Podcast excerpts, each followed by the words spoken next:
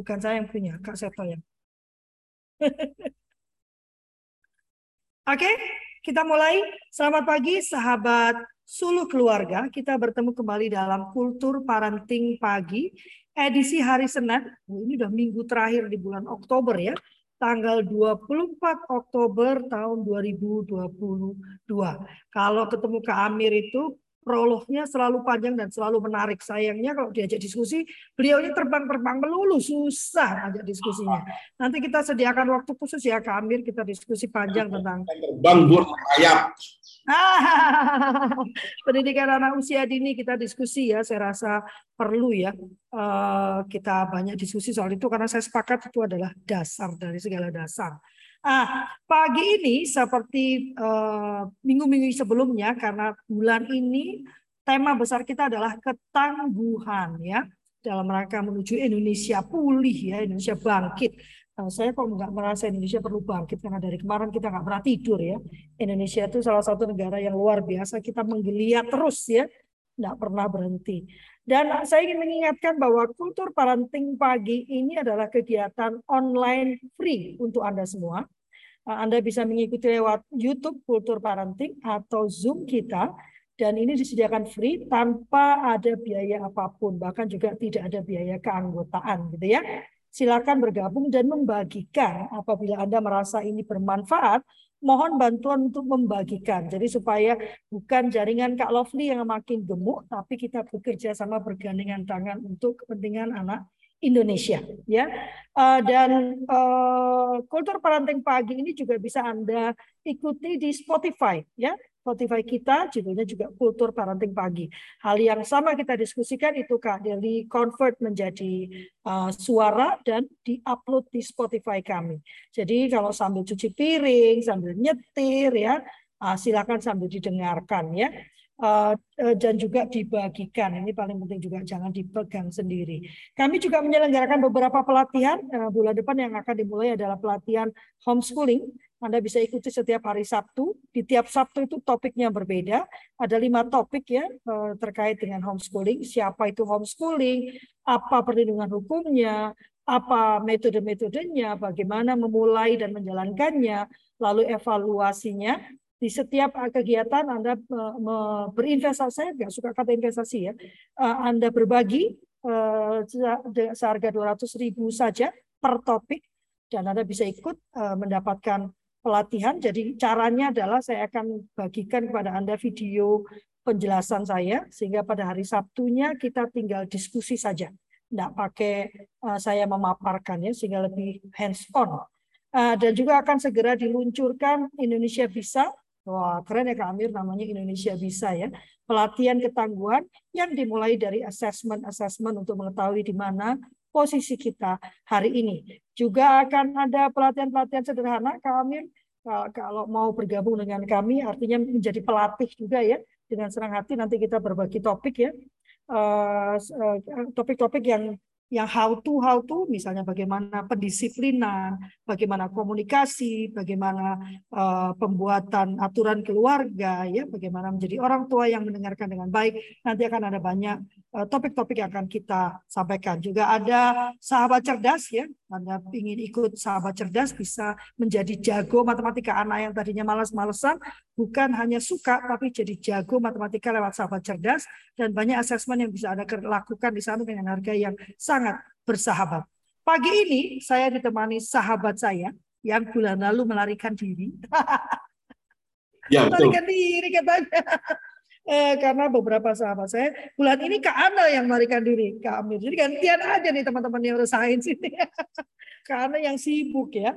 Eh, dan pagi ini Kak Amir akan berbicara tentang bagaimana men, eh, men, mensiapkan anak menjadi tangguh dengan memahami kesiapan otaknya ya Kak Amir ya. Jadi nggak bisa Bapak Ibu ya teman-teman sekalian kita langsung geber gitu di, di akhir tanpa memahami posisi dan kesiapan otak anak-anak uh, kita. Atau kita sendiri jangan-jangan Kak Amir ya.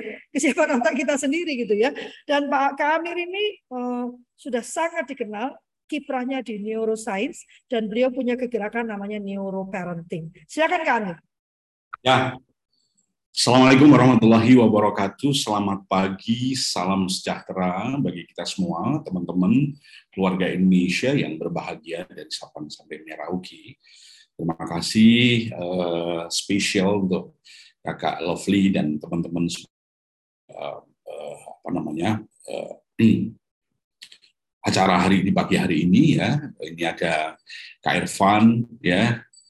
Uh, ini atas perintah komandan jadi harus hadir gitu ya uh, dan semuanya ya saya senang sekali ada teman-teman dari dari timur ya uh, Kak Rus ya Rus. Wah, harus digerakkan ya. Di Papua juga harus digerakkan karena uh, uh, hasil diskusi-diskusi saya Papua itu sebetulnya uh, potensi untuk membuat anak-anak Papua cerdas sangat begitu ya. Sangat sangat memungkinkan kan gitu kan. Uh, semuanya semuanya ada. Teman-teman yang lain dari apa namanya eh, dari sekolah neuroparenting juga hadir di sini. Uh, terima kasih teman-teman semuanya. Uh, saya Dr. Amir Sufdi dari sekolah neuroparenting Indonesia. Ya tema kali ini sangat menarik ya tema seksi ya. Tema yang di mana-mana sering dibahas ya di di di, di olahraga di di sekolah di semuanya sering sering membahas tentang tentang ketangguhan ya gitu ya ketangguhan itu sendiri ya ketangguhan itu sendiri uh, sebenarnya dimaknai sebuah secara umum ya uh, uh, apa namanya kemampuan resiliensi dan seterusnya kan gitu kan. Nah dalam berbagai kajian ketangguhan yang saya melihat itu uh, yang dibahas itu banyak yang yang apa namanya uh, uh, softwarenya kan gitu kan. Nah uh, saya selalu membayangkan seorang Van, Valen, uh, Valentino Rossi gitu ya plus dengan uh, motor Yamaha-nya kan gitu kan. Uh, Valentino Rossi dengan dengan kecakapan softwarenya yang begitu begitu luar biasa ya dia tidak ada artinya kalau tidak ada motor yang canggih gitu ya jadi kalau Valentino Rossi menggunakan motor ecek-ecek juga bisa jadi nggak akan menang kan gitu ya nggak akan tangguh juga bisa jadi kan gitu ya Demikian juga kalau saya, saya menggunakan motornya Valentino Rossi yang juara itu, ya juga nggak tangguh. Jadi dua-dua harus digabungkan, teman. Ya, ya softwarenya juga digabungkan, ya motornya tadi laksana hardwarenya harus digabungkan. Membangun ketangguhan dua-dua ini harus cun, harus komplit, gitu ya. Uh, kalau dua-dua ini nggak nggak komplit, pasti ada ada lag, pasti ada apa namanya uh, sequel-sequel yang yang yang muncul di dalam di dalam pengasuhan ya. Uh, saya kalau membahas tentang ketangguhan ini biasanya sampai empat kali meeting biasanya. Kalau di dalam di dalam kelas neuro meeting itu kita punya satu chapter yang spesial ya di tangguhan ini ya empat kali meeting. Empat kali meeting itu setelah teman-teman belajar tentang the fundamental of neuroparenting gitu ya. The fundamental of neuroparenting itu teman-teman belajar bagaimana bagaimana prinsip-prinsip neuron, bagaimana prinsip-prinsip uh, kinerja uh, otak secara umum plus dengan komponen-komponen otak. Ya, di di kajian-kajian neuroscience modern sekarang sudah mulai meninggalkan tuh otak kanan, otak kiri, sudah mulai ditinggalkan. Belahan kanan, belahan kiri mulai ditinggalkan meskipun masih di di apa namanya uh, diakses ya dikit-dikit ya, terutama pada saat akan melakukan satu satu membicarakan tentang dominansi. Yang paling banyak dieksplorasi sekarang sudah masuk di komponen-komponen otaknya. Mulai dari mulai dari bahasanya kortikal, subkortikal, gitu ya. Uh, uh, jadi kalau saya mengajari tentang otak itu ada ada otak luar, ada otak dalam. Seperti kalau kita Bang Irfan, Bang Irwan kalau pakai pakaian mesti ada luaran, ada kan gitu kan Bang Irfan ya Bang, Bang Irwan ya, uh, pasti ada luaran, pasti ada dalam. Demikian itu ada luaran, ada daleman. Coba nggak pakai daleman, waduh repot ya. Atau apalagi nggak pakai nggak pakai luaran, waduh. Gitu. Jadi seksi deh gitu ya. Jadi otak demikian, luaran dalam. Daleman itu hubungannya dengan emosi dan gerak ya secara umum ya. Ada ada uh, apa namanya fungsi fungsi-fungsi yang lain termasuk sistem saraf otonom dan seterusnya hormonal dan seterusnya ya. Uh, terus kemudian kalau yang otak luar itu hubungannya dengan berpikir ya, berpikir, berbahasa dan seterusnya.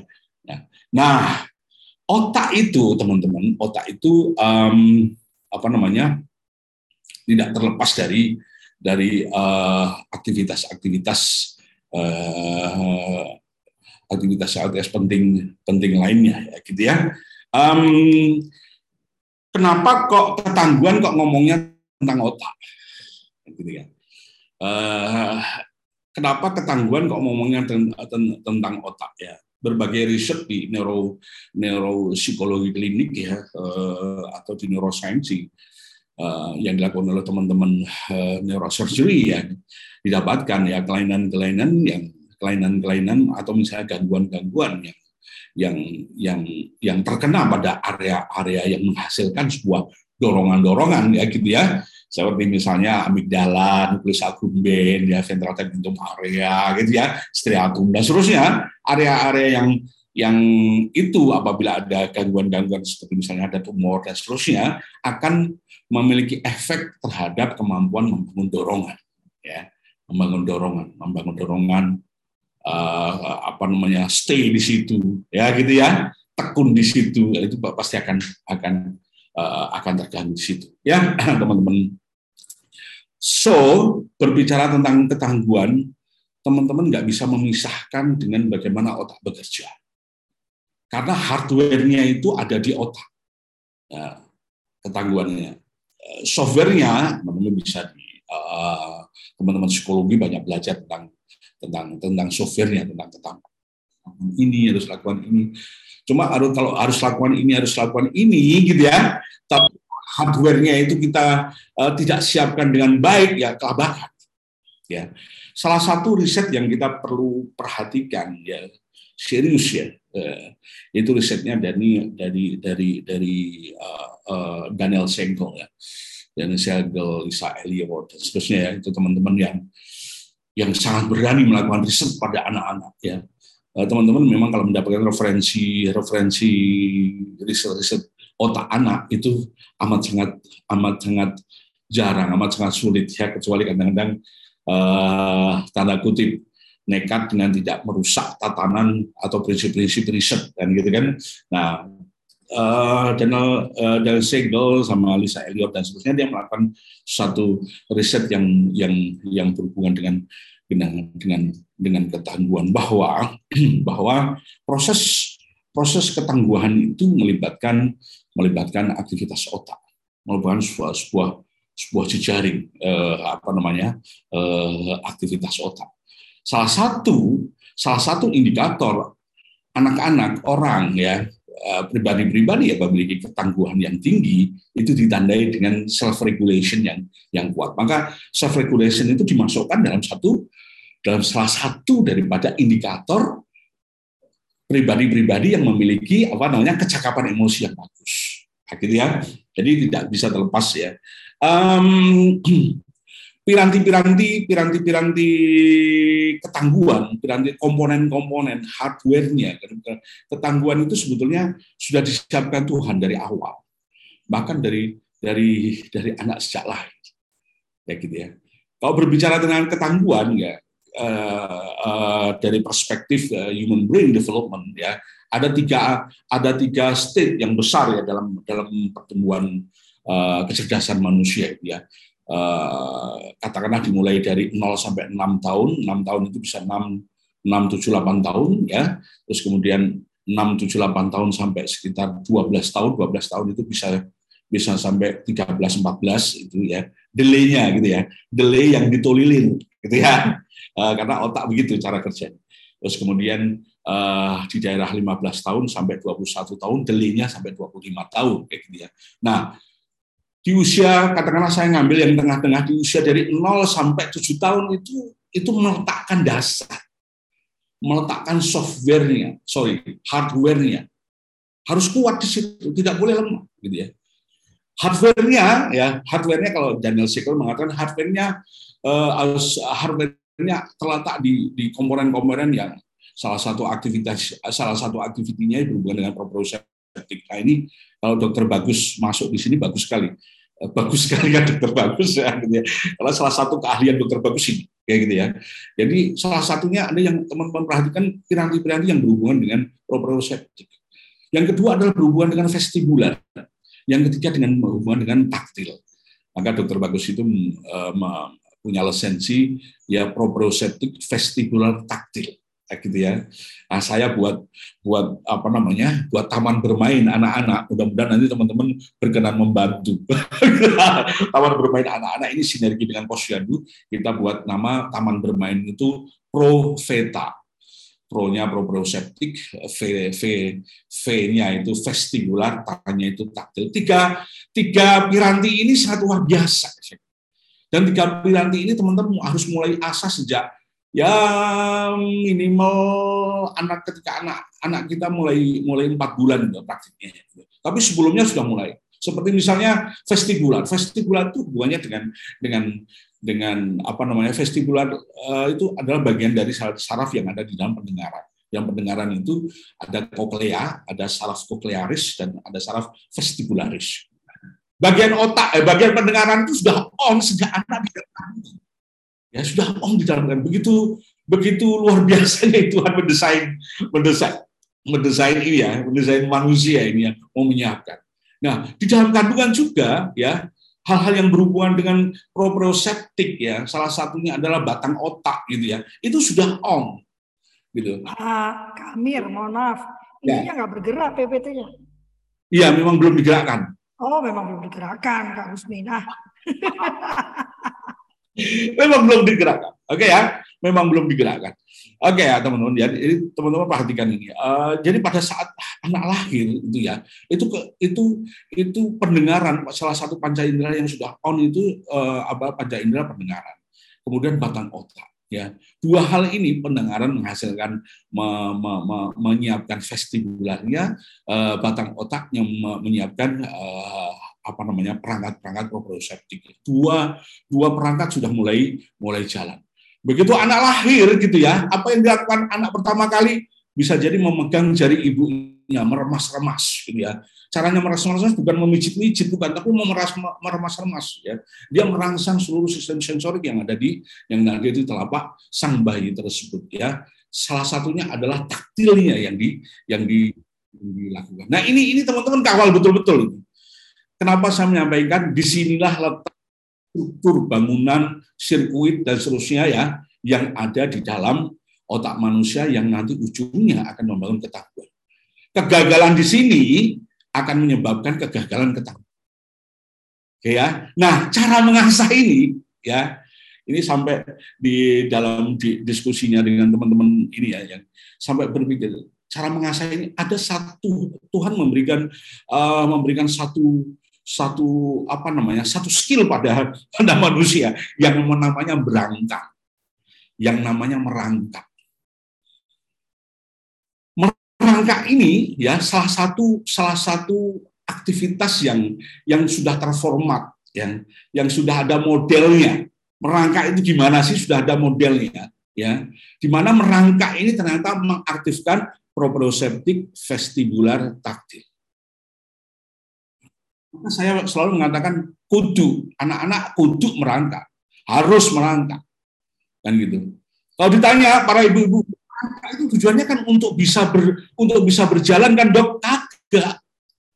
Ya karena berjalan bisa bisa bisa saja terjadi pada saat tanpa merangkak ya. Merangkak itu bukan untuk per, bukan eh, tujuan utama bukan untuk untuk persiapan uh, apa namanya anak bisa berjalan. Memang kalau sudah anak sudah bisa merangkak, hampir bisa dipastikan anak bisa berjalan.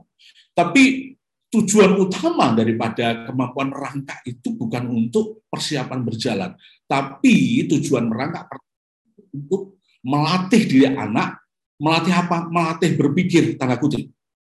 Anak-anak anak-anak itu cara berpikirnya kan berpikir subkortikal ya. Ada mengatakan pakai batang otak ada mengatakan apa namanya pakai sistem ini. Dua-duanya itu ada di subkortikal ya gitu. Di beberapa kajian neuroscience lebih memilih pendekatan uh, berpikir dengan support. Nah ini cara pertama anak berpikir tanda kutip.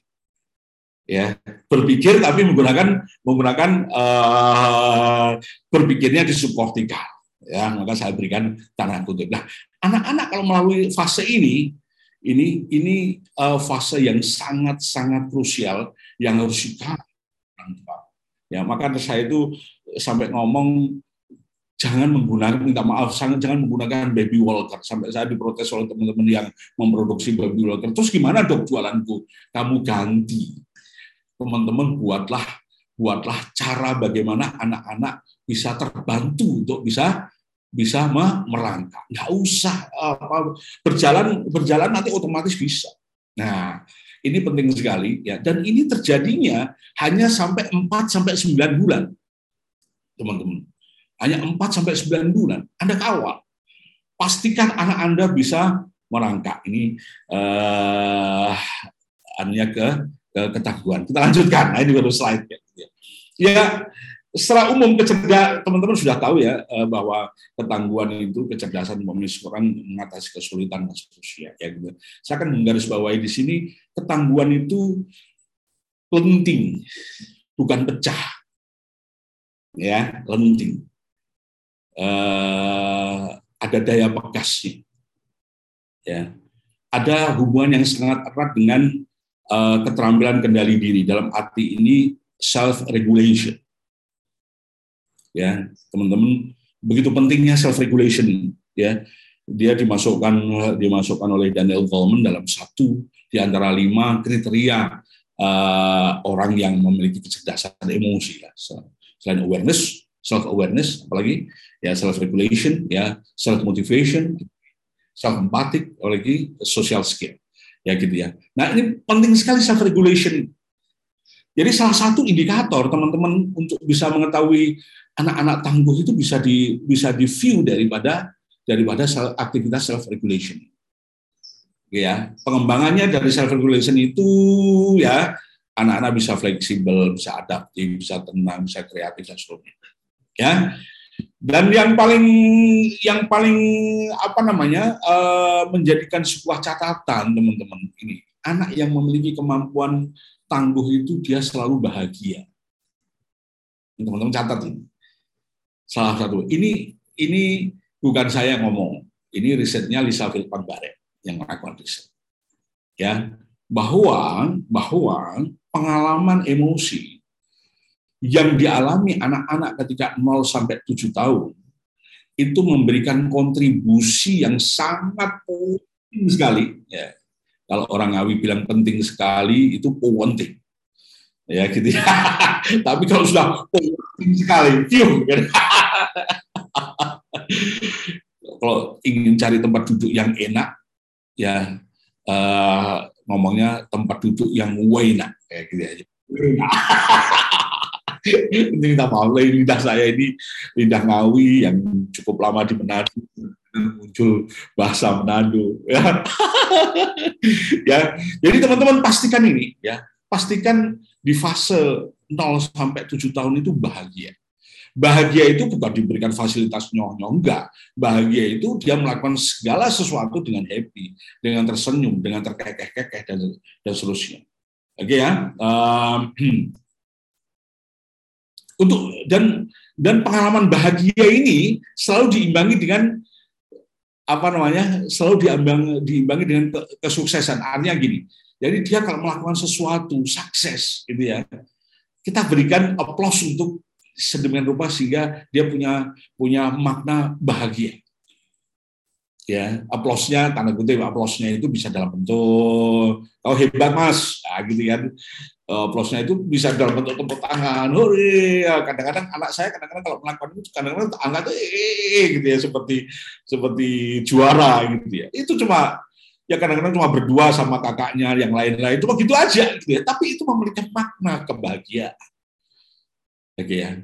Dan kalau sudah memiliki makna kebahagiaan dia bisa mengelola mbahnya emosi ini katanya si uh, Paul Ekman. Ya Paul Ekman itu mengatakan takut itu mbahnya emosi.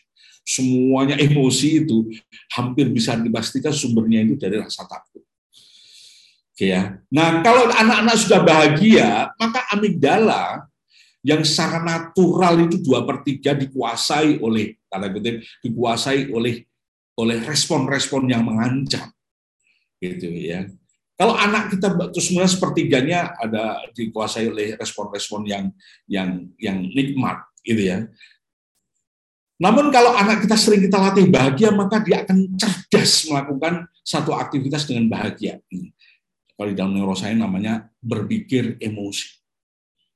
Ya, emosi yang emosi yang prosesnya keluarnya dari berpikir.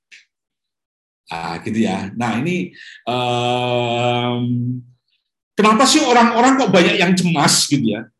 Ya, rata-rata orang pencemas itu pinter. Ya, pinter secara secara kognitif, pinter, mampu menganalisis dan seterusnya. Tapi begitu dia mentok dalam dalam tekanan-tekanan emosi, dia kebingungan di situ. Wah, gimana ini, gimana ini, gimana. Jadi teman-teman yang pinter-pinter itu gitu ya, kalau emosinya tumpul, itu hampir biar dipastikan kecemasannya selalu hadir. Nah, anak-anak, teman-teman, anak-anak yang masa kecilnya itu dominansi berpikirnya itu masih dikuasai oleh otak subkortikal, ya di mana otak yang dominannya di di di aktiviti di emosi dan aktivitas gerak. Kalau itu kita atur kita latih dengan rasa senang riang gembira gitu ya maka ya maka habitu proses habitual itu akan terjadi. Ya kebiasaan tapi kebiasaan berpikir kebiasaan bahagia. Nah proses habitual itu kan itu kan salah satu pandeganya kan basal ganglia ketika sebuah proses habitual kemudian di difiksasi oleh proses berpikir yang otomatis gitu ya akan akhirnya menjadi sebuah pattern dan sebuah pola ya. Tapi polanya isinya apa? Merespon sesuatu dengan bahagia. Nanti orang-orang yang begini besarnya itu akan ketahuan ya. Besarnya itu akan ketahuan bagaimana cara dia merespon ya. Dominansinya ini yang ini yang riset si Lisa Friedman uh, Lisa uh, bukan Lisa Liz Liz Wiseman ya bisa merespon. Ada orang-orang tua itu cara meresponnya, responnya apa namanya stimulusnya sama ya, tapi responnya berbeda, cara meresponnya berbeda masing-masing orang tua. Ada yang merespon apa namanya merespon dengan ancaman, ya, gitu kan? Ada yang merespon dengan dengan kenikmatan, dengan opportunity. Oke ya, coba teman-teman tak beri tak beri stimulus ya. Teman-teman tak beri stimulus ketika Anda Anda dapatkan di kamar Anda, di pojokan atas kamar Anda, nempel di langit-langit kamar Anda. Ada sekelompok tawon madu sedang membangun sarangnya di pojokan kamar Anda itu. Oke. Lalu respon apa yang Anda lakukan terhadap tawon madu dan sarangnya yang ada di kamar Anda. Ayo, nanti kan berbeda gitu. Ya, coba coba ditulis tulis saja di di chatting sini. Cara meresponnya Anda seperti apa? Oke, okay. nah ini ini uh, ini yang dimaksud oleh Lisa Filman Lisa Filman Barat ini ya pengalaman pengalaman kebahagiaan di masa di masa usia dini 0 sampai sampai 7 tahun itu memiliki memiliki apa namanya kontribusi yang sangat luar biasa dan pembentukan pola pikir dia pada saat nanti akan dirasakan mulai saat remaja. Kenapa? Karena 0 sampai 7 tahun itu meletakkan dasar basic ya komponen hardware-nya akhirnya komponen kerasnya. Komponen keras komponen keras anak uh, anak tangguh itu apa? Batang otak, cerebellum, amigdala, nukleus accumbens, striatum. Itu komponen-komponen komponen-komponen kerasnya ya gitu ya. Dan itu harus berkembang betul gitu ya. Kalau dia nggak berkembang betul ya, biar Anda berikan uh, softwarenya dengan dengan berbagai teknik yang yang bedal gitu nggak. Maka dua-duanya harus harus padu. Nah, untuk mendapatkan ini, maka uh, ring satunya anak itu kan orang tua. Ya. Spesial ring satunya itu sang ibu, spesial lagi. Karena apa? Karena di dalam kandungan ibu kan gitu kan. Ya, ini harus di, harus harus dijaga betul-betul ini ya teman-teman. Nah, kebetulan saya saat ini punya program uh, namanya BAM, teman-teman. BAM, ya BAM itu brain, A-nya itu anger management. Itu teman-teman bisa ikut itu cuma dua dua dua sesi aja, dua sesi aja. yang lumayan. Tapi kalau ingin mendapatkan lebih dalam, ada namanya brain based emotional skill itu sampai kadang-kadang sampai 10 kali pertemuan itu. Uh, untuk apa? Untuk melatih emosi Anda bila emosinya emosi Anda lebih dominan ya, lebih dominan selalu ancaman, ancaman, ancaman, ancaman. Anda kalau merespon sesuatu dikit-dikit dengan ancaman, ya pastikan otak Anda bermasalah.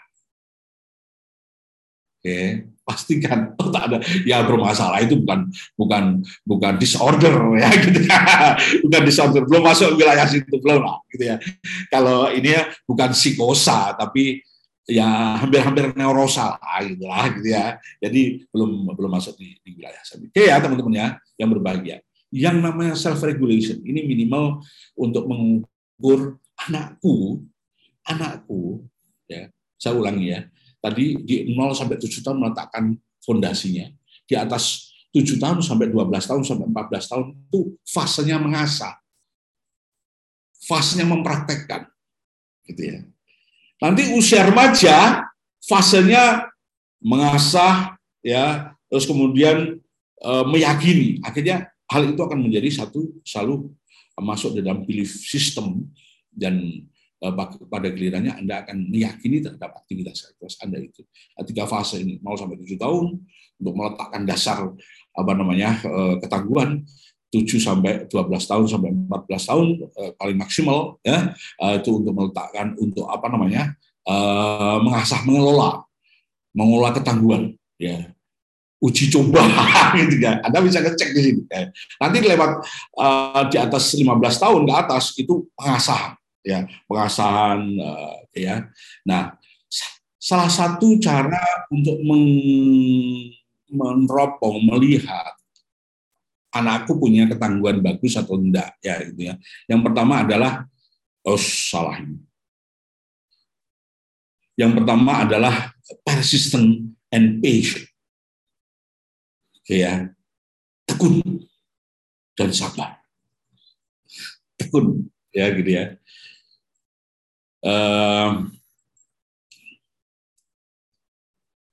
tekun itu teman-teman bisa bisa lihatlah di di apa namanya di kamus besar Indonesia ya.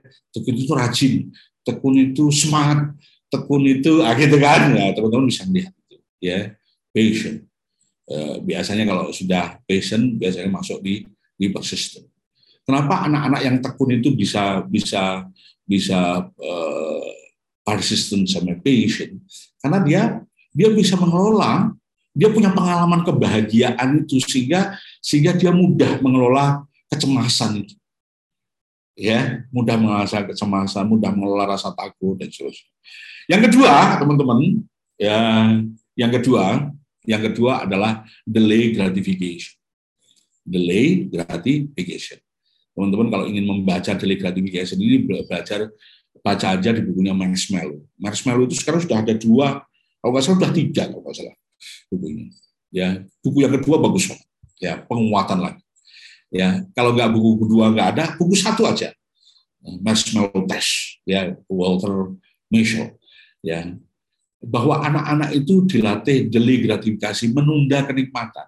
Menunda kenikmatan itu bukan menunda-nunda, ya menunda kenikmatan itu anak sudah membayangkan kenikmatan itu ya. Kemudian untuk mengaksesnya itu eh, anda anda anda tunda. Ini penting sekali untuk untuk membangun ketangguhan anak sehingga anak-anak bisa bisa apa namanya melenting ya. Melenting sampai melenting tingkat tinggi gitu ya. Uh, apa namanya? Uh, dan ini penting sekali ya. Anak saya yang nomor satu ngambil PPDS eh, penyakit jalan. Ya, ya biasa lah PPDS, eh, apalagi di awal-awal awal-awal sekolah ya gitu ya. Satu satu dokter menangani 300 pasien ya. Gitu. Dia Duh, dia bilang, ya aku tiga hari belum mandi, astagfirullah. Bahkan kadang-kadang sampai makan itu sambil nulis status gitu ya, uh, teman yang lain itu nyuapin sampai gitu ya. Uh, apa namanya? Tapi alhamdulillah dia tahan banting gitu ya. Tahan banting artinya apa? Dia sudah sudah uh, latihan gratifikasi ini uh, sangat penting sekali ketika ketika anak yang katakanlah anak pinter itu eh, mengalami tekanan-tekanan yang yang simultan.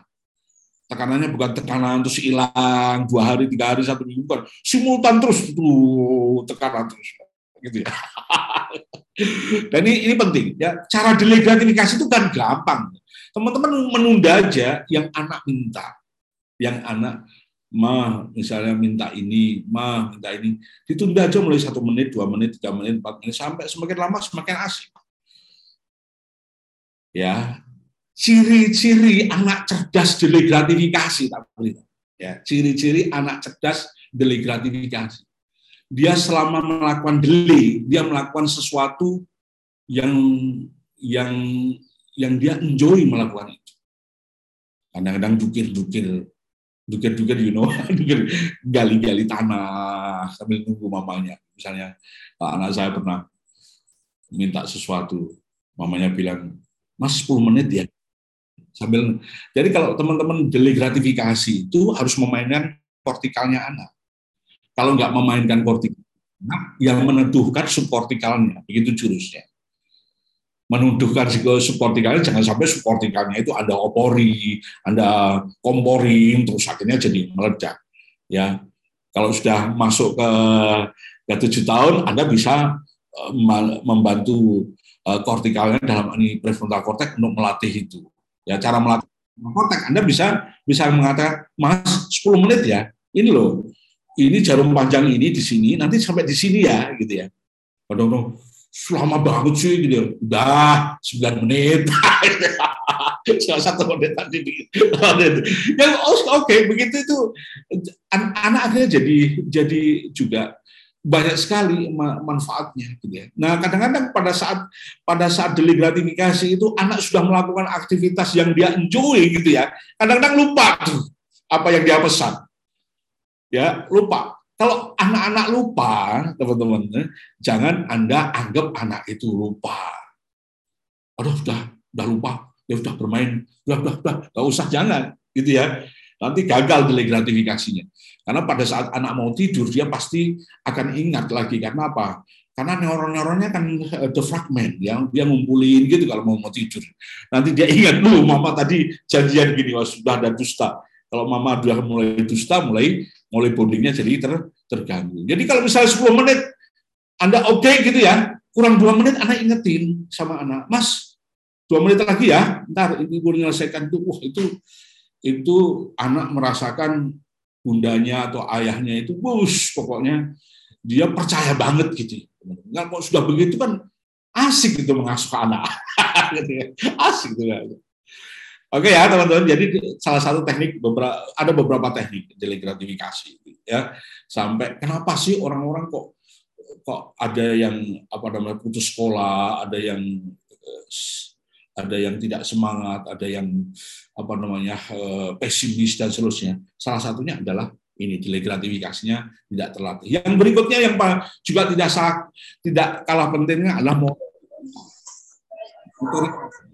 ini kalau sudah bilang motorik ya, teman-teman jangan lupa sensorik. Nah, gitu ya. Sensorik, kalau sudah sensorik motorik, jangan lupa batang otak. Anda jangan lupa cerebellum, otak-otak gerak semua itu sampai akhirnya di, di bagian kortikal ada namanya homunculus cerebri itu ya yang bagian otak yang tukang yang bagian otak yang isinya itu merekam merekam gerakan-gerakan motorik dan sensorik kayak gitu kaki Anda ke mana, tangan Anda akan gunakan untuk apa, lidah, mulut Anda ah, ngomong apa, itu semuanya terekam di situ. ya gitu. Sistem ini bagian daripada sistem motorik motorik kontrol. Jadi motorik kontrol itu tidak bim salah. Anak-anak stay di situ, tekun di situ, gitu ya. Itu karena motorik kontrol. Anak-anak bisa duduk manis di sekolah menyimak bu guru menerangkan gitu ya, itu motorik kontrol. Gitu ya. Cara melatihnya, nah, cara melatihnya ini di 0 sampai 7 tahun harus tuntas. Ya, cara melatihnya melibatkan batang otak yang sejak lahir dia sudah matang. Cara melatihnya melibatkan amigdala, otak otak emosi yang bah, anak lahir juga juga sudah matang. Ya, cara melatihnya tidak lepas dari latihan-latihan pertama namanya namanya proprioceptik vestibular taktil ya. Yang katanya eh, Daniel Segel ya. Jalur ini akan menyiapkan anak-anak untuk mampu berpikir selaras. Selaras selaras itu kalau Edwin Gutawa ya kalau selaras itu kalau Edwin Gutawa memimpin musik itu ya dia ngatur tuh ya ada bassnya, ada melodi, ada keyboard, ada ada piano dan seterusnya ya. Suaranya gitu ya, nggak boleh melenting sendiri gitu ya. Harus selaras, seirama. Otak juga begitu, cara berpikir juga begitu. Anak-anak tantrum, teman-teman, itu otak cara berpikirnya meledak-ledak. Cara berpikirnya bahasanya eh, Daniel Siegel ya, bahasanya cara berpikirnya kacau gitu ya. Nah, Magdalena Segel adalah seorang psikiater, psikiater anak ya. Jadi bahasanya berpikir kacau gitu ya. Jadi memang di psikiatri kan ada istilah berpikir kacau. Ya, gitu ya teman-teman. Nah, tiga hal ini salah satu indikator yang teman-teman bisa bisa nikmati, bisa cek ya gitu ya. Uh, sehingga dan ini teman-teman kalau belajar neuroparenting practitioner kita punya program 50 jam. Itu nanti mulai Januari sampai sampai Desember ya gitu. Itu salah satunya belajar belajar eh, apa namanya belajar ini. Ya oke ya. Oke yang terakhir oh ya minta izin Bunda uh, kakak ini ya kakak Lovely ya. Kami menginformasikan aja kami telah membuka program 50 jam. Teman-teman kalau ingin belajar apa namanya pengasuhan komprehensif monggo ya karena yang yang mengajar bukan saya aja ada dokter Putri. Dokter Putri ini selain lisensi neuroparenting practitioner dia lisensinya Montessori juga. Ya terus kini ini ada Bunda Khotim ini salah satu ketua daripada uh, apa okupasi Indonesia gitu ya. Dia ngajari dia ngajari terus kemudian satu uh, coach Eval dari dari ICF dari uh, International Coach Federation ya. Dia mengajari mengajari bagaimana apa namanya uh, apa namanya membimbing ya ini ini beberapa materi nanti seperti seperti apa namanya seperti eh, Bunda seperti Bunda eh, seperti Dokter Putri dia dia ahli di sini design healthy toys for children. Bagaimana Anda merancang sebuah mainan-mainan, membuat mainan anak-anak nggak perlu beli mahal-mahal ya. ya. Dari dari dapur Anda gitu ya, mulai dari entong, mulai dari ini bisa jadikan mainan anak-anak gitu ya. Terus kemudian uh, ada nanti Bunda Bunda Khotim itu akan belajar proprioceptik festival festival taktil ya. Ini ini PVT sebenarnya ini salah di VTA. Oke ya. Terus kemudian uh, coach Eval akan akan mengajari uh, coaching rule ya terutama untuk untuk apa namanya uh, agar para orang tua itu asik komunikasi sama anak gitu ya. Seperti itu aja gitu ya.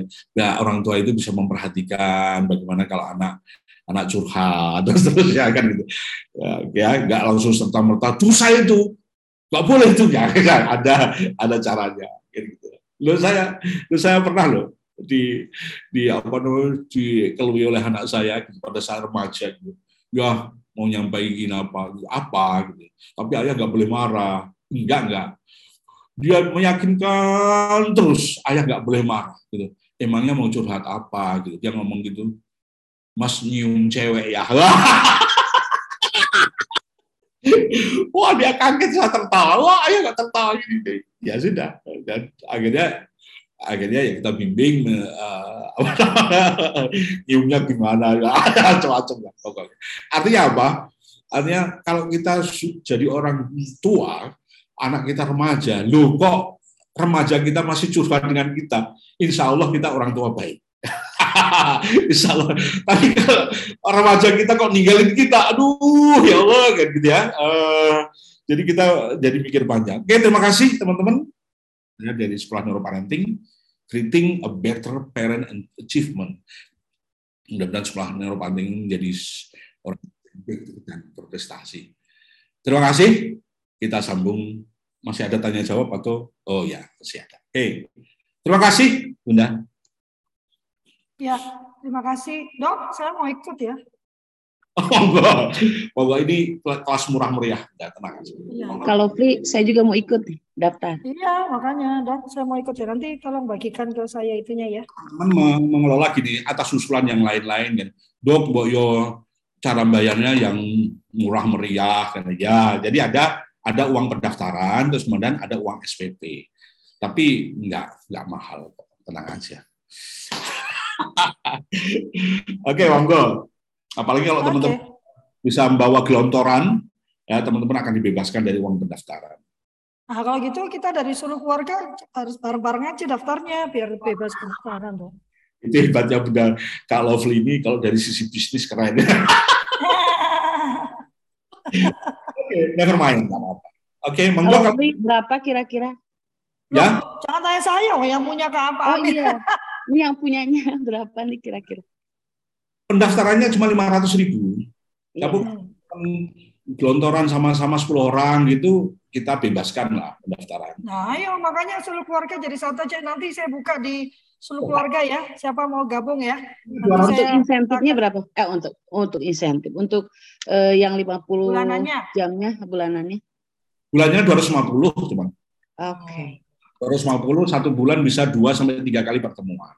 Iya lah, nanti itu ya. nanti apa uh, Kak Dani yang transfer. Loh, kok jadi? kita belajar bareng ya, kita belajar bareng dan uh, teman yang selama ini belajar neuroparenting juga sudah punya ilmu yang tinggi-tinggi ya. Saya bilang ya teman-teman punya ilmu yang tinggi-tinggi, ada doktor, ada postdoktoral, kadang juga nggak ngaku masuk sudah guru besar gitu ya. Ya sudah, monggo aja. Yang penting, yang penting kita salah satu khasnya neuroparenting itu uh, the fundamental of neuroparenting. Kita belajar tentang otak sebagai dua fondasi persis seperti ini, ya, persis seperti ini. Cuma kita memang lebih kita kita bongkar-bongkar kan gitu ya. Sehingga kita kita apalagi kalau anda seorang konsulen ada anda punya kebijakan ilmiah yang harus aku lakukan gitu ya. Uh, kalau Pri saya mau bertanya boleh? Sebentar lagi saya boleh mau dong silakan. Oh ya dok. Saya mau bertanya dok Eh, hmm. Nah ini pengalaman-pengalaman yang saya alami ya karena eh, beberapa tahun ke depan saya eh, beberapa tahun ke belakang saya jadi terapis ABK ya. Dok eh, mereka itu lumpuh otak atau ada kelainan di otak. Makanya eh, saraf tepinya tidak berfungsi dengan baik. Tetapi yang saya heran ya kenapa biologisnya itu jalan dok secara biologisnya tuh jalan. Seperti dia e, terangsang oleh perempuan lain atau e, masa baliknya dan sebagainya. Itu kenapa ya dok? Ya. jadi si otak itu nggak rusak gitu kalau yang itu. Gimana dok? Ya jadi e, kalau memang sudah di ABK teman-teman e, kalau ingin mengambil spesifikasinya bisa ngambil di Solo ya di Solo ya di sana ada okupasi ada macam-macam gitu ya. Sehingga nanti teman-teman akan lihat ini ABK ini kebutuhan khususnya apa gitu ya. Pada pada pada prinsipnya otak itu cara kerjanya adalah ada rangsangan ada proses ada output ya gitu ya. Rangsangan itu dibawa oleh sistem saraf sensorik di situ. Kalau berbicara tentang sistem saraf sensorik ya teman-teman berbicara tentang reseptor-reseptor yang banyak sekali ya eh, bukan banyak minimal lima ya gitu ya. Uh, sekarang sudah akan berkembang enam karena visceral sensorik juga sudah mulai dieksplorasi. Ya, seperti seperti taktil seperti apa uh, suhu panas dan gitu kemudian di, di, di masuk di proses kemudian di di output outputnya itu motorik jadi uh, secara umum um, dua dua area ini dua tiga area ini harus di dicek ya gitu ya. Uh, sehingga kita bisa menemukan kebutuhan kebutuhan ABK ya. Saya pada saat di Thailand itu saya menemukan anak-anak uh, yang Down syndrome itu ternyata jadi pekerja pekerja cleaning service gitu ya Oh, kok iso ya gitu kan. Tapi ya cara mengukurnya bersih dan seterusnya. Ternyata ternyata ya, dia, dia salah satu sirkuit yang digunakan ada di basal ganglia. Ya di basal ganglia itu ada namanya automatically thinking. Ya, dengan dengan didrive oleh oleh oleh kinerja yang yang kita beri nama kinerja jika maka jika begini maka, jika begini maka. Nah, Down syndrome dia menggunakan jalur itu. Harusnya kalau kalau dididik kan dia menggunakan jalur hipokampus kan gitu kan dan dan dan jalur dia uh, dan seterusnya kan gitu. Tapi dia dia menggunakan jalur uh, automatically system tadi. Nah, uh, kalau kita sudah tahu kebutuhan ABK maka kita akan akan bisa memberikan latihan-latihan. Uh, Apakah ABK ini otaknya otaknya yang kelainan maka kita butuh kadang-kadang butuh kerjasama sama teman-teman neurolog ya untuk melakukan apa namanya uh, scanning scanning otak kan gitu ya. Uh, jadi saya saya pernah menangani mahasiswa. Ya mahasiswa itu uh, pintar sekali itu mahasiswa itu. Tapi begitu masuk semester tiga masuk ke empat dia merasa pintarnya itu turun ya. Dia merasa pintarnya itu turun gitu ya. Kalau dia bisa menyelesaikan soal itu misal lima soal lima jam selesai eh, apa satu jam selesai kemudian soal yang sama berikutnya dia harus menyelesaikan sampai 12 jam sampai satu hari dan seterusnya. Setelah saya minta bantuan teman-teman neurolog dilakukan scan gitu ya ternyata ternyata ada proses ada pengecilan dia mengatakan pengecilan karena ditandai dengan sklerotik ya. Ada pengecilan daripada hipokampus sebelah kiri. Hipokampus sebelah kiri. Kita tahu belahan kiri itu cenderung ke analitik dan seterusnya, sehingga sehingga mahasiswa itu lama-lama kesulitan dia melakukan analisa. Tidak, eh, teman-teman nggak usah tanya why-nya, kenapa kok dia mengecil ya? Banyak sekali kajiannya gitu. Ya. Nah, artinya apa? Kalau kita melihat anak-anak anak-anak berkebutuhan khusus itu sangat spesial ya tentunya ya gitu ya. Teman-teman teman-teman bisa ngambil spesial itu atau teman-teman bisa minta bantuan di uh, biasanya kalau teman-teman dokter anak ya uh, yang subspesialisnya tubuh kembang anak itu biasanya menyediakan pemeriksaan-pemeriksaan itu teman-teman bisa sinergi di situ. Dengan cara begitu maka kita bisa tahu cara penanganan yang lebih yang lebih spesial. Jadi uh, anak berkebutuhan khusus itu tidak tidak selalu semuanya otaknya error itu enggak ya nggak bisa jadi ya bisa jadi stimulus-stimulus yang berisi berisi tentang uh, cantik, ganteng dan seterusnya bisa jadi masih masih jalan bisa jadi. Tapi uh, ketika berhubungan dengan dengan apa namanya dengan konsentrasi dan seterusnya bisa jadi nggak jalan dan seterusnya ya gitu ya. Jadi harus kita saya sendiri kalau sudah nangani begitu saya minta bantuan teman-teman okupasi terus terang.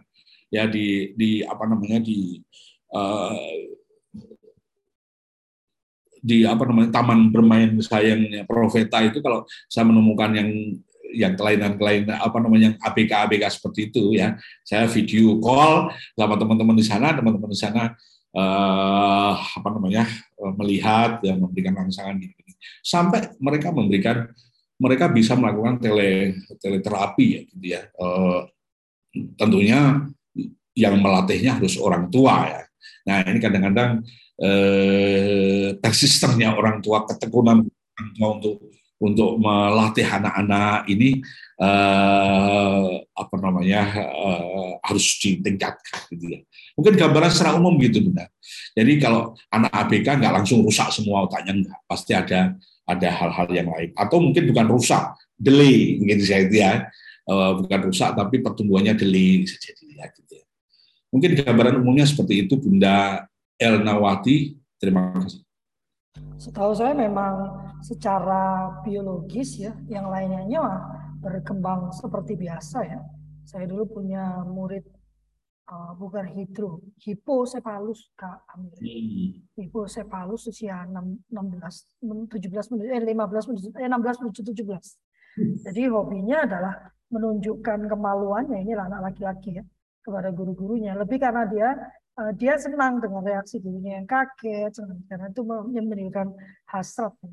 Nah, jadi memang uh, ini selalu perbincangan yang menarik ya Kak Amir bagaimana kita menemani anak-anak khusus kita, anak-anak istimewa kita pada saat dia sudah masuk ke usia uh, ini ya, usia akil balik ya, waktu hormonnya sudah masuk ini agak lebih sulit karena kan tidak ada tidak diimbangi dengan kemampuan ber apa ya ber, berpikir ya.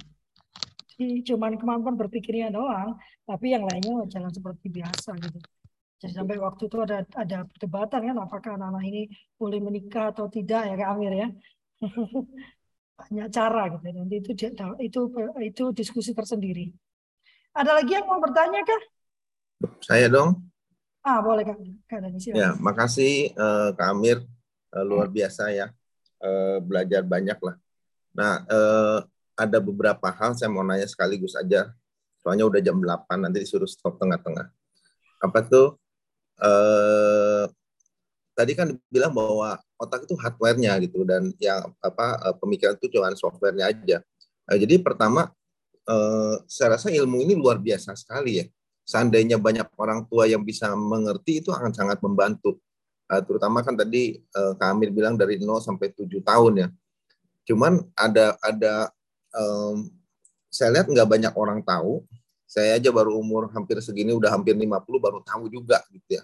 Bahwa itu oh otak itu uh, hardware-nya mesti di, mesti diperbaiki. Cuman kan udah yang udah lewat ya udah gitu.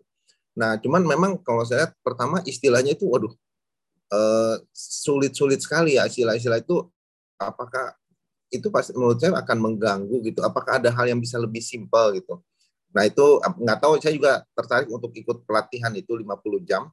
Uh, jadi mungkin nanti di sana saya bisa uh, lebih bisa mengerti mengenai hal ini gitu terus ya hal yang lain itu uh, apakah ada mungkin untuk bagaimana mendeteksi bahwa ada ada kerusakan di hardware itu gitu? Ada kerusakan di otak eh, ada nggak ada mungkin bentuk assessment atau apa pun juga supaya dari kecil itu udah ketahuan dan bisa diterapi gitu? Itu kedua. Yang terakhir itu eh, kalau udah udah umurnya udah lewat misalnya udah udah 10 tahun atau 15 tahun 20 tahun apakah hardware itu bisa di repair gitu atau ya. gimana sih cara maintenance-nya gitu maintenance yang bagus itu supaya bagaimana supaya menjadi menjadi baik gitu itu aja, Mir. Makasih. Wah, ini smart question. ya, jadi apa namanya? Um,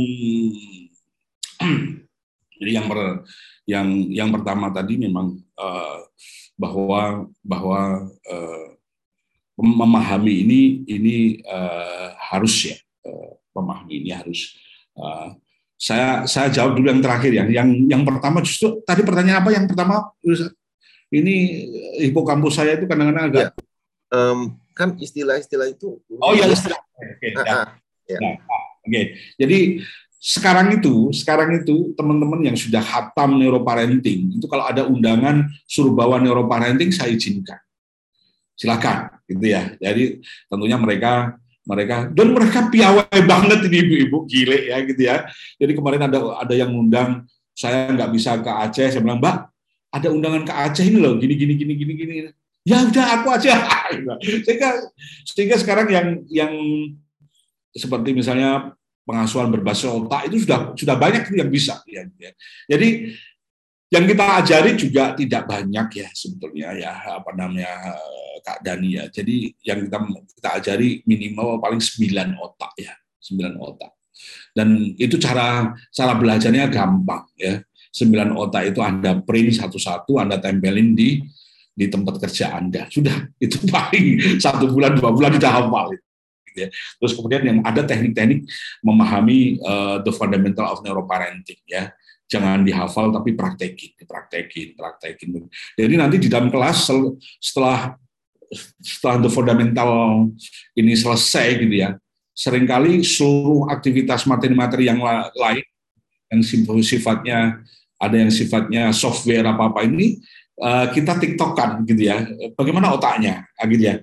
Kalau anda misalnya seperti seperti kemarin ada seorang guru dok saya di di sekolah itu apa namanya kita mulai belajar dan itu dengan dengan melakukan aktivitas gerak dan seterusnya gini ini um, sudah benar ya dok?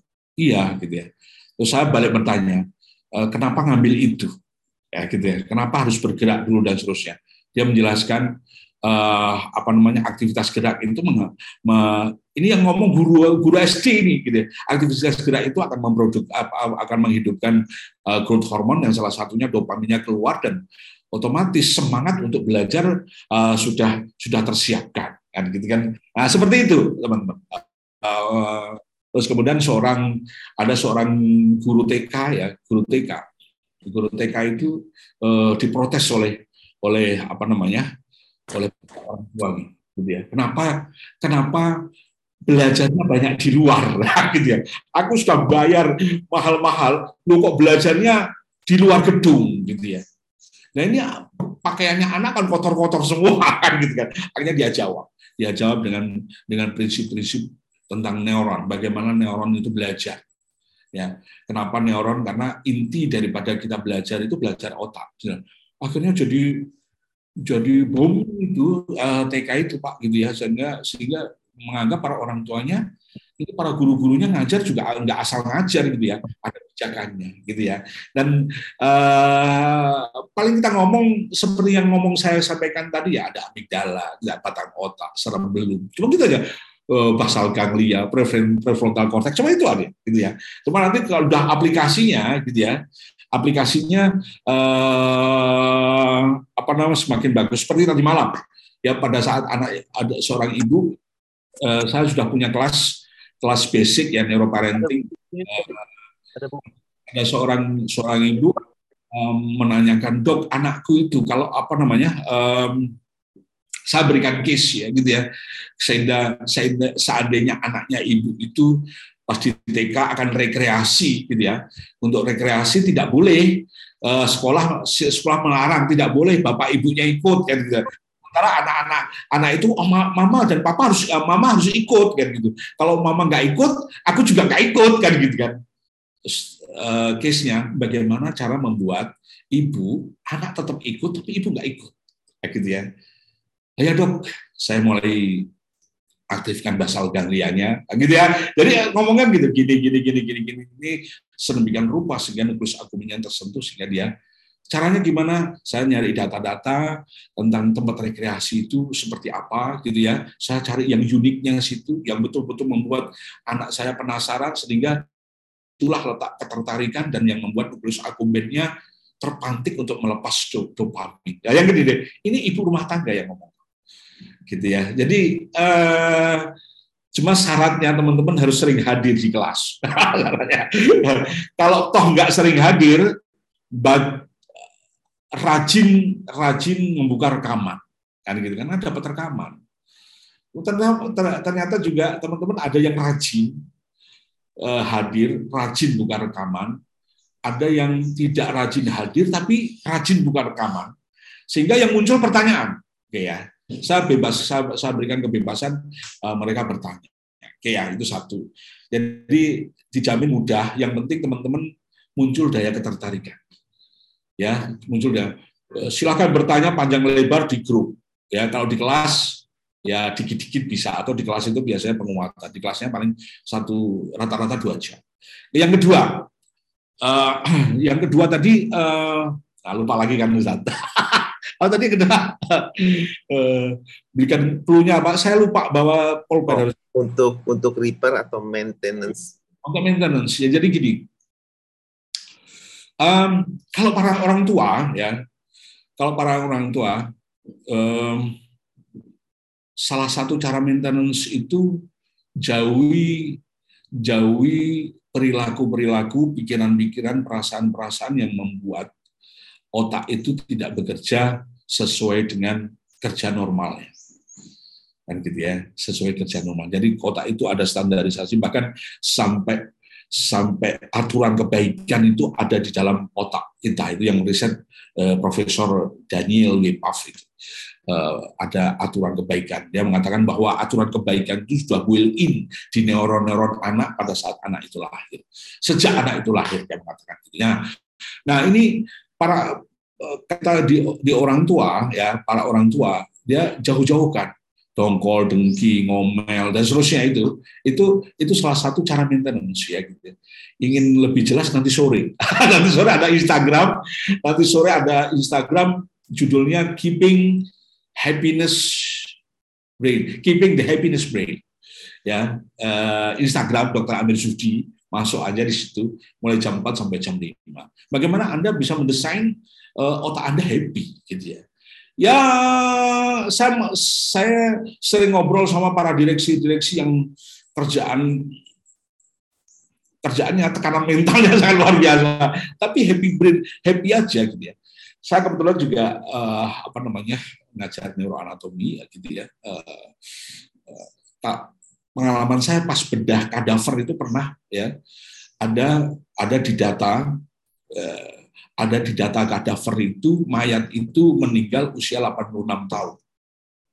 Tapi ketika kita buka, hati-hati otaknya saya buka gitu ya.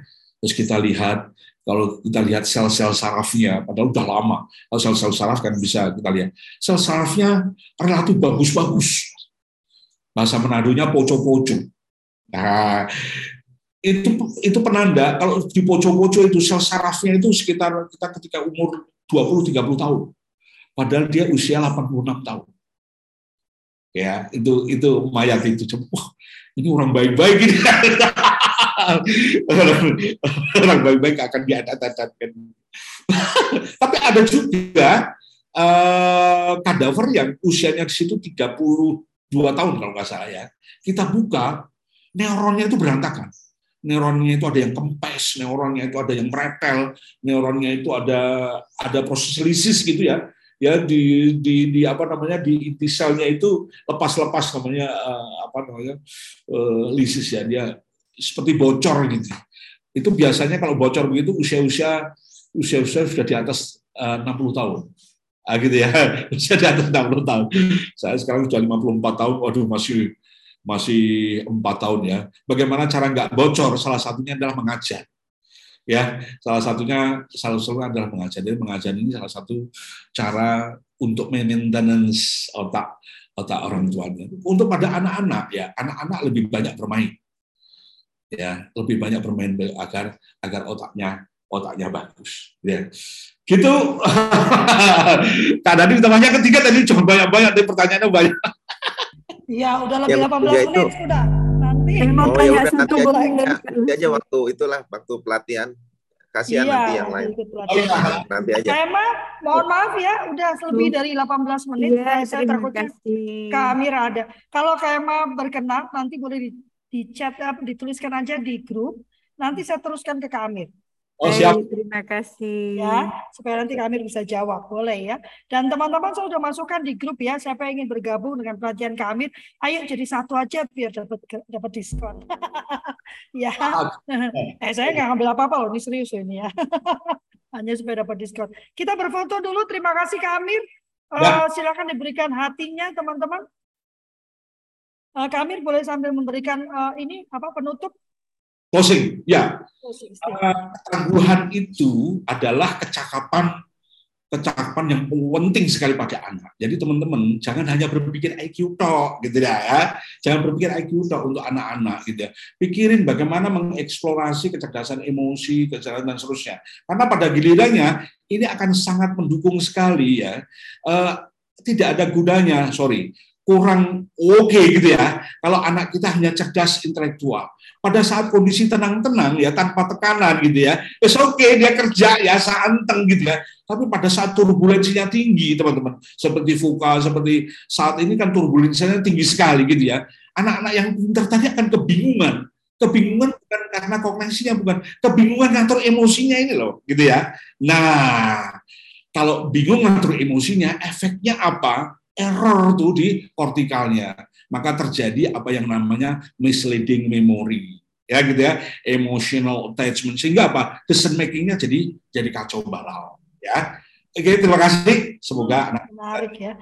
Teman-teman kalau tertarik, eh, kami punya pelatihan Indonesia bisa ya, yang bisa teman-teman manfaatkan. Ini saya akan buka kelas untuk liburan, karena nanti akan ada liburan ya. Eh, dan eh, teman-teman bisa sertakan anak-anaknya untuk tiga hari termasuk dua asesmen jadi ada dua asesmen pelatihnya bukan saya udah pastilah ya. Pelatihnya ada ada Brigadir Jenderal Irwan Amrun. Sekarang sengaja saya sebut Brigjennya ya karena bicara ketangguhan kan. Lalu ada Brigadir Jenderal Yudi ya. Jadi ada dua Brigadir Jenderal. Nah, tapi nggak akan disuruh push up gitu nggak gitu ya. Lalu ada Kak Ana Gracia, Garcia ya.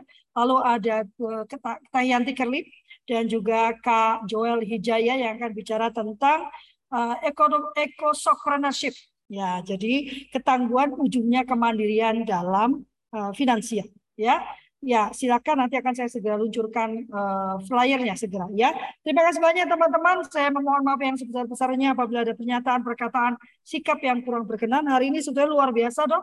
Ada 30 lebih tadi, tapi kemudian masuk jam 8, tung tung tung keluar semua ya.